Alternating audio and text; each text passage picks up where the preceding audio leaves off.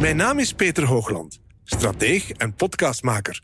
Mijn crypto-mentor, onze crypto-mentor, is Kim Londers, specialiste in congruent communiceren en public speaker.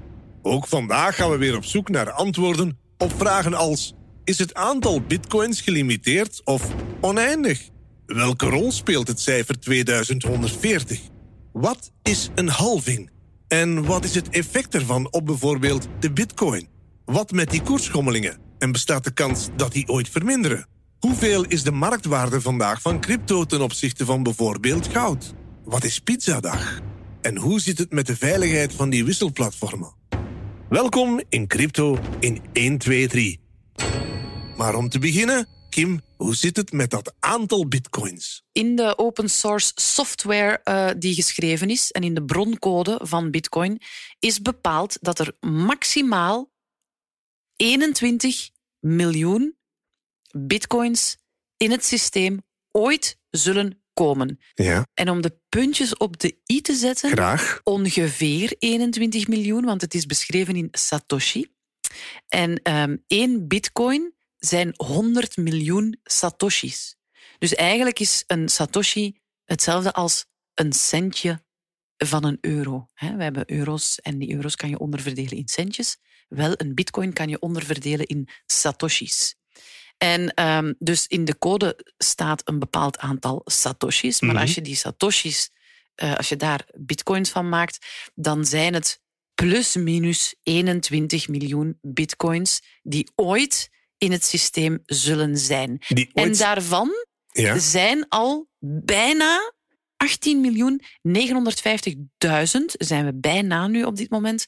Um, uh, bitcoins zijn al gemined, dus zijn al in het systeem, zijn al beschikbaar. Dus met andere woorden, we zijn er bijna. Eh, wel, bijna, heel eh, snel, over ja. een aantal jaar. Uh, ja, in 2140, Peter. En hoe komt dat? Omdat in de software er ook een geniaal systeem is uh, geprogrammeerd die zegt dat om de ongeveer vier jaar, 210.000 bloks, dat is Mhm. ongeveer vier jaar, om de vier jaar gebeurt er een halvering van het aantal bitcoins die de miner krijgt als, um, als, als, Als beloning. beloning voor zijn werk. Met andere woorden, toen de blockchain live ging op uh, 3 januari 2009, toen kregen de miners, de miners, kregen bij elk nieuw blok 50 bitcoins. Mhm. Ja.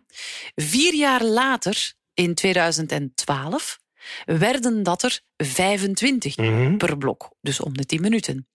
In 2016 werden dat er 12,5 en in mei 2020 zijn er dat 6,250 geworden.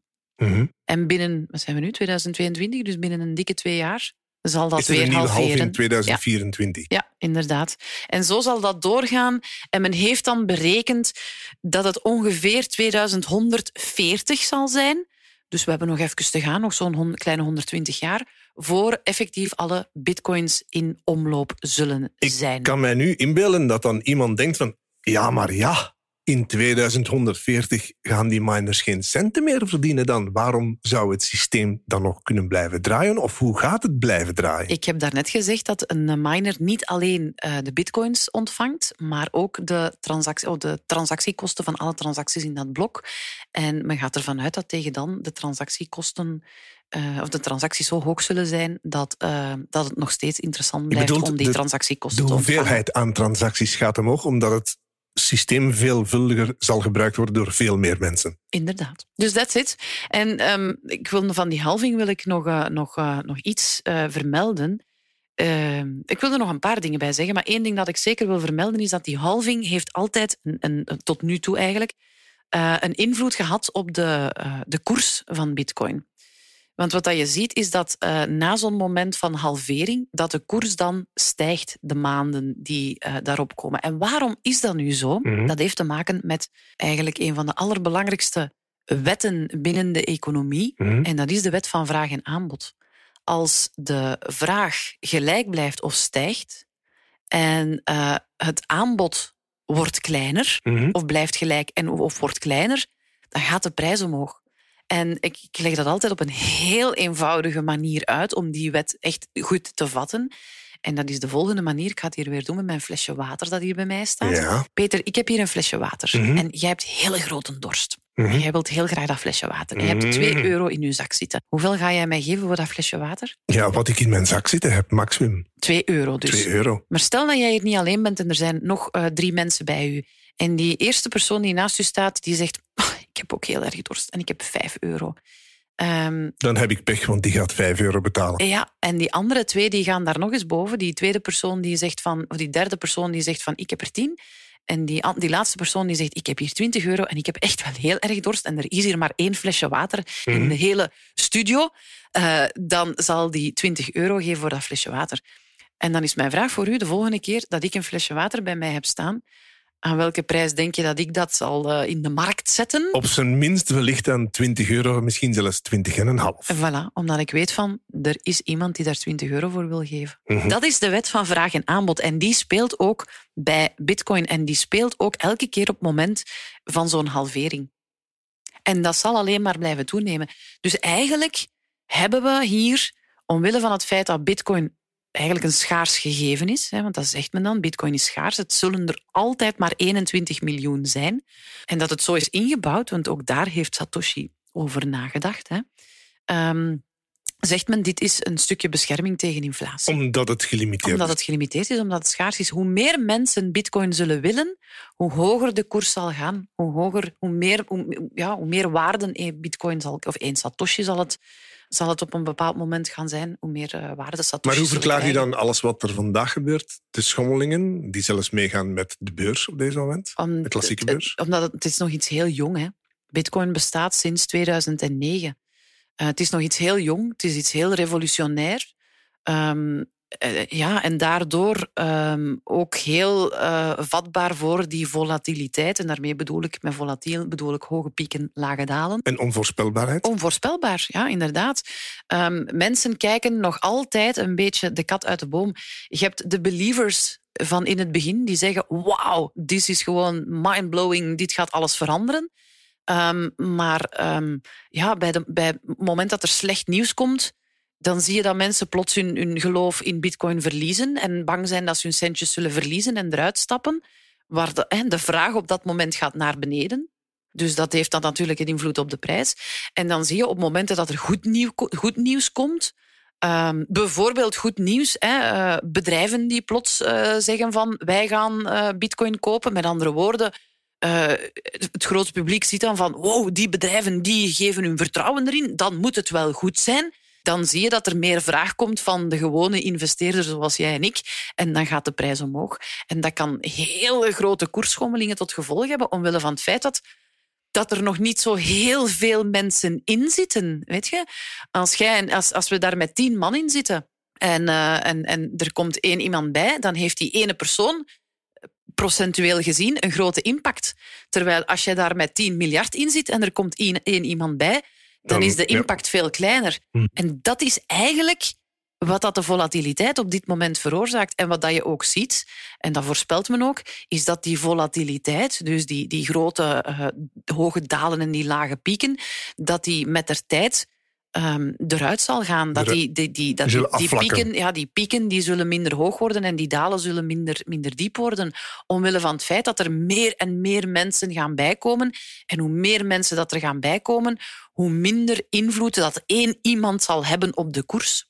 En dat verklaart die volatiliteit. Het is nog een heel jong gegeven. En het is nog heel erg uh, afhankelijk van nieuws dat er rondkomt. Mensen geraken heel snel in paniek of mensen geraken heel snel in euforie.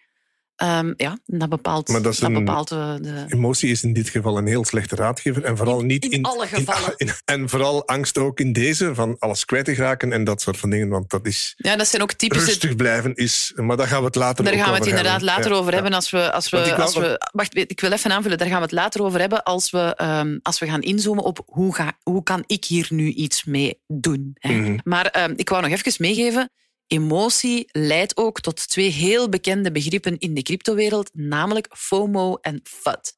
FOMO, fear of missing out. Mhm. Dat is het moment dat de euforie toeslaat. Mhm. Dat al het nieuws goed is en dat iedereen plots over bitcoin spreekt. En dat is Mhm. meestal als, er, als de koers aan het stijgen is. Dan iedereen, wauw, heb je al gehoord van bitcoin? Wauw, dat moet je doen. Oh, dat is iets nieuws. Nee, dat is echt de toekomst.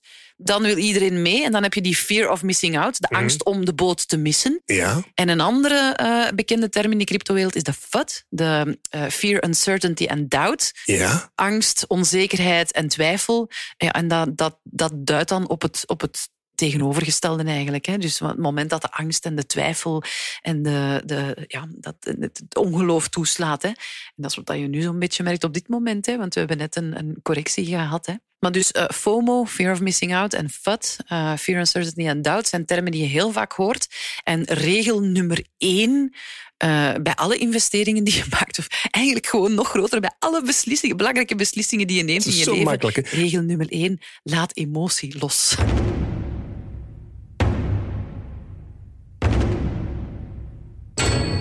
In de cryptowereld dus best die emoties in de hand houden. Maar laten we eens teruggaan in de tijd en kijken naar die koersschommelingen. We gaan ver terug. Augustus 2010, 0,05 dollar. Eén bitcoin is 0,05 dollar.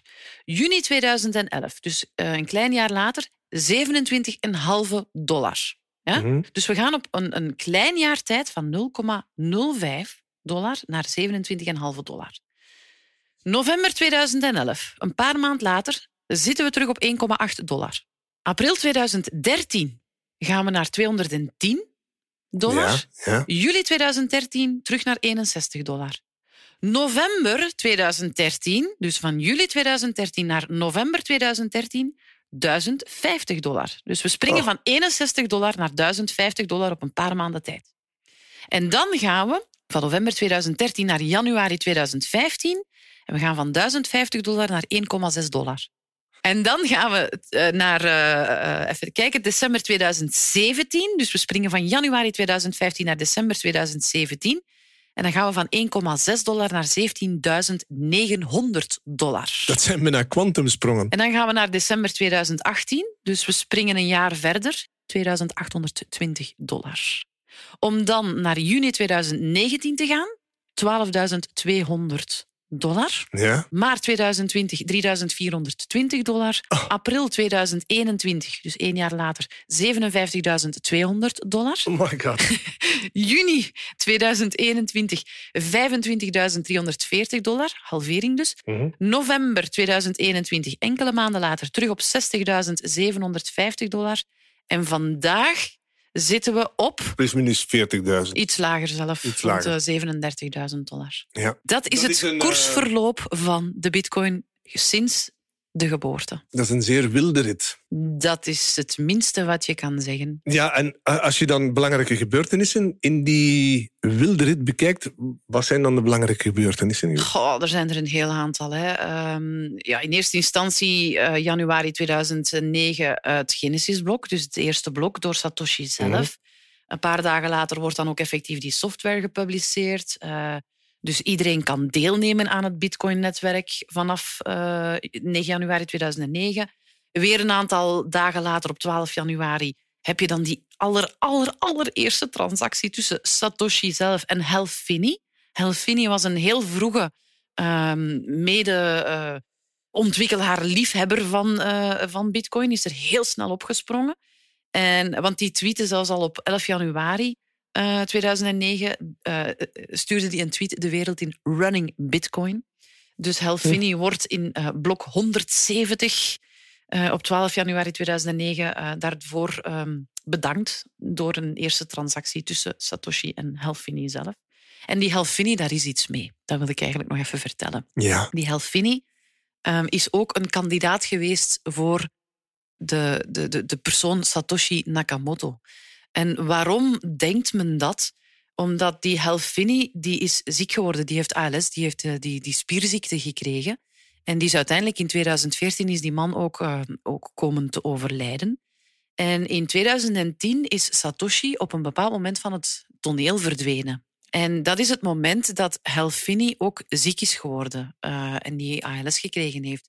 Dus men denkt ook wel eens dat, dat Satoshi Hal Finney is, of zelfs was, want Helfini is er niet meer. En, en, en nog een indicator, en dat is echt een, een beetje gek, die, die Satoshi Nakamoto, die men op Ja. een bepaald moment gevonden heeft. Ja. Herinner u die, die Ja. Japanse IT'er die in Florida woonde?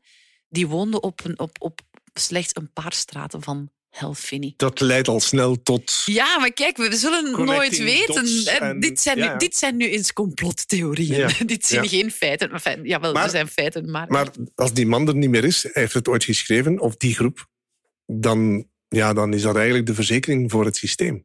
Zo zou je dat kunnen zien, ja. Het is een open systeem. Op dit moment wordt het gewoon echt gerund door de community.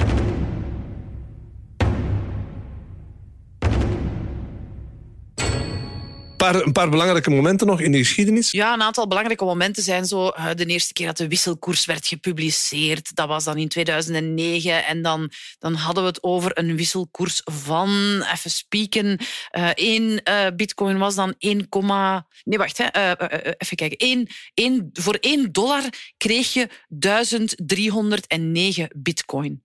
Dat is crazy. Hè? Dan, dan spreken we over begin oktober 2009. Dus dat zijn, zo, ja, dat zijn, dat zijn eh, iconische momenten. Hè? Mhm. Ook de eerste keer dat effectief iets gekocht wordt Ja. met bitcoin, dat was Ja. ook dan in 2009 in Is dat de oktober. befaamde pizza? Nee, eh, nee, het was eigenlijk net iets ervoor. Wij, kocht die New Liberty Standard, dus eigenlijk die instantie die die wisselkoers publiceerde, die kocht via PayPal voor net iets meer dan 5 dollar, kocht die 5050 bitcoins. Ja. En de eerste keer dat er effectief ehm, iets tastbaar gekocht werd, hè, want wat ik net zei was een instantie die bitcoin kocht Mhm. van een miner. Mhm. Hè, maar de eerste keer dat er effectief iets fysiek werd gekocht, dat is hetgeen waar dat jij net op alludeerde, dat waren die twee pizza's. Dat was 22 mei 2010. Op die eh, dag, die nog elk jaar herdacht wordt en die in de Bitcoin community Bitcoin Pizza Day wordt eh, genoemd. Ja, Op die dag werden er twee pizza's gekocht voor 10.000 bitcoin. voor 10.000 bitcoin. Ja, dus een, een, een programmeur uit Florida, een Laszlo Hanjec, of hoe je het ook mag uitspreken, die kocht eh, twee pizza's voor 10.000 bitcoin. En die, ja, dat- dat is, dit- het is niet dat hij ergens naar een, een, pizzeria ging en daarmee eh, pizza's kocht. Die heeft toen gewoon een, een bericht gezet in de bitcoin community en gezegd van kijk, als iemand mij twee pizza's kan bezorgen, dan krijgt hij daarvoor 10.000 bitcoin. En daar is dan een andere programmeur, ontwikkelaar, liefhebber van het vroege begin, is daar dan opgesprongen. Die heeft ervoor gezorgd dat er twee pizza's werden afgeleverd bij die Als je dat Laszlo. berekent aan de, aan de- en, ja, ehm, als je dat berekent aan de, de, de, de waarde vandaag, Dat mocht je niet doen, Peter. mocht het niet doen. Want dan zijn dat afschuwelijk, verschrikkelijk dure. dan gaat het over plusminus 370.000 euro voor, of dollar voor twee pizza's. Ja, eh, dat mag, dat mag je niet doen. Toen er tijd, toen er tijd, men heeft die berekening gemaakt om, om een beetje een waarde te kunnen inschatten van bitcoin op Ja. dat moment. Hè.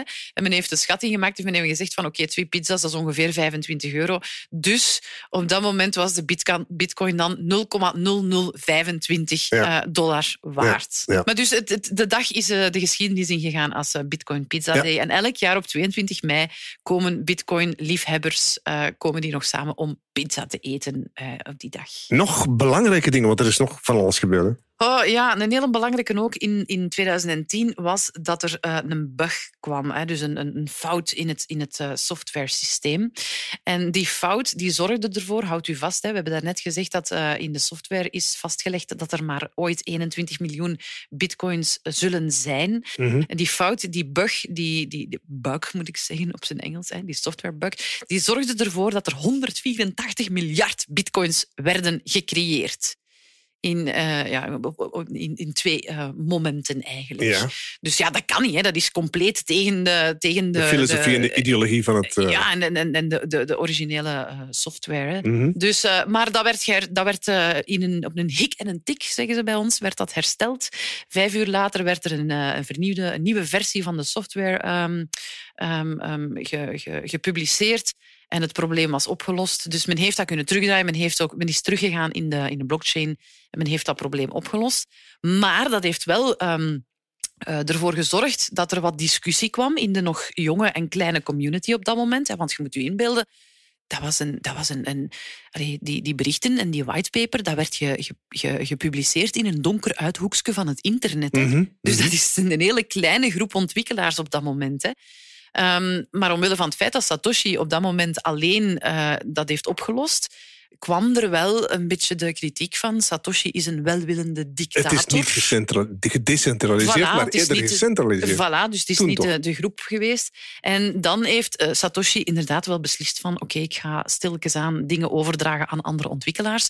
En dat heeft ervoor gezorgd dat hij in de loop van 2010 uh, van het toneel verdwenen is. En Mhm. dat maakt dus dat men, uh, dat men ook de link, link legt met die ene persoon, die Helfini. Nog een paar dingen. De marktwaarde in 2010 is, een, is een, toch wel een, een, een, belangrijk gegeven, want Bitcoin bereikt voor de allereerste keer in zijn geschiedenis een marktwaarde van 1 miljoen dollar. Met andere woorden, er gaat 1 miljoen dollar rond in, in uh, bitcoins. En, um, om u, maar om dat u, is... Ja, om, u, om u een idee te geven, hè, um, de, de, totale market cap, als ik het in het Engels zeg dan, hè, van, want het is een beetje een, een vrije vertaling, totale marktwaarde, omdat het zo aan... Een, een, enfin, ik ga er niet op in, inzoomen, maar nu dus de totale market cap van bitcoin is um, 810 miljard. Dus wil zeggen 810.000 miljoen. Ja, november 2010, marktkap 1 miljoen. Vandaag 810.000 miljoen. Plus minus ongeveer, want ja, ja, tuurlijk, hangt er vanaf. schommelingen afhankelijk welke periode het zal, we het zal inderdaad wel lager zijn, want de koers is van naar beneden ja. gegaan de voorbije dagen. Maar om u maar een idee te geven, van 1 miljoen naar 810.000 miljoen. Ja. November 2010, januari 2022. Ja? En mm. dan heb ik het enkel nog maar over de market cap van Bitcoin. Als we de totale beurswaarde van al de crypto die er ondertussen zijn, hè, want ja. uh, op basis van Bitcoin zijn er nog heel veel andere dingen, projecten gekomen.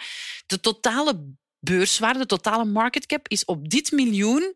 Op dit, op dit, wacht, op dit moment, ik was al naar, naar het bedrag aan het kijken, op dit moment 2 biljoen, oftewel 2047 miljard, oftewel 2 miljoen miljoen. Dus we zijn van 1 miljoen dollar in november 2010 naar 2 miljoen miljoen dollar in januari 2022. En dan maak je de vergelijking ook, of kan je de vergelijking maken met goud? Ja, om het ook weer in het juiste perspectief ja, te zetten. Ja. De marktwaarde van goud is op dit moment 10 biljoen. Dus als je weet dat de totale beurswaarde van alle crypto's samen 2 biljoen is, ja, dan weet je dat uh, dus, uh, de, de cryptomarkt een vijfde is van de goudmarkt op dit moment. Maar ook daar weer even context. Dus op 13 jaar heeft crypto zich 2 miljoen, biljoen waarde gerealiseerd. Mm -hmm. Goud 10 biljoen, maar de tijdsperiode verschillen nogal. Uh, dat is het minste wat je kan zeggen.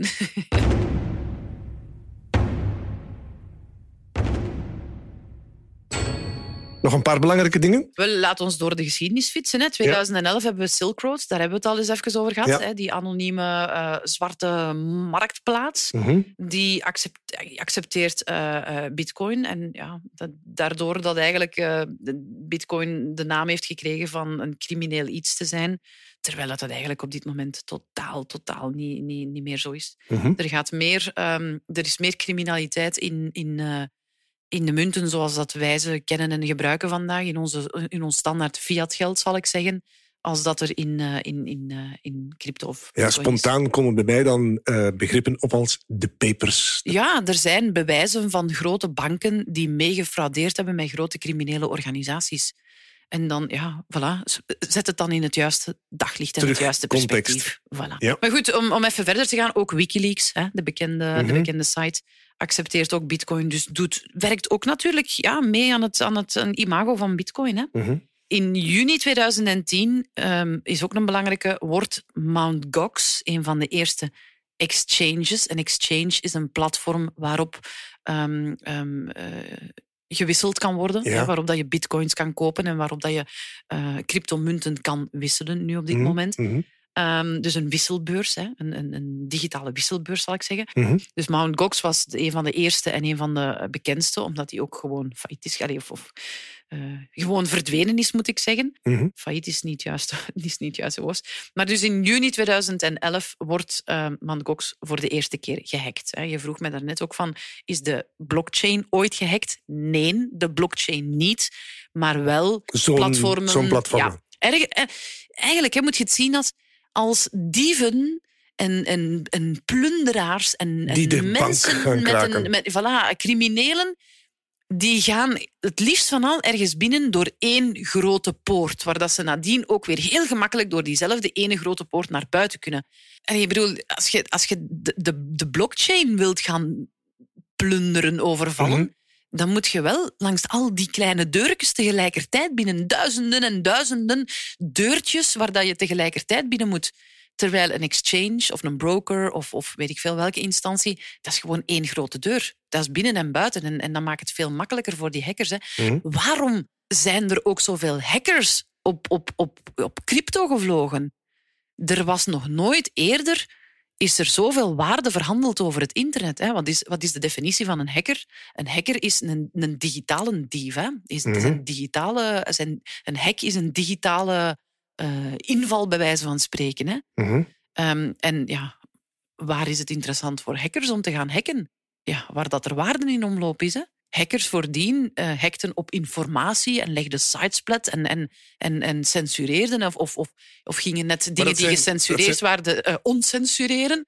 Maar een keer dat er echt waarde verhandeld werd, als in de vorm van bitcoin, ja, dan vlogen ze natuurlijk met z'n allen daarop. Ja, Wat er ook voor gezorgd heeft dat er veel, veel meer veiligheid is gekomen in de cryptowereld. hè. Mhm. Want het is pas als je gehackt wordt dat je weet langs waar dat ze zijn binnengekomen en dat je daaruit je lessen kunt trekken. en dat je het gat kan dichten. Ah, voilà. Ja. Op de blockchain zelf is dat niet nodig geweest. Maar wel bij de exchanges, eh, de, de Voilà. wisselkoers. Dus platformen. exchanges zijn nu ook veel veiliger Mhm. als toen in die beginjaren. Hè? Je hebt het daarnet al gezegd, hè? als je een profiel wil aanmaken op een, op een, een account wil aanmaken op een exchange, je moet je, je identiteitskaart eh, scannen, eh, je moet, je moet een, een foto doorsturen, je moet een filmpje maken. Er is KYC, Know Your Customer, Mhm, eh, mhm, regulering.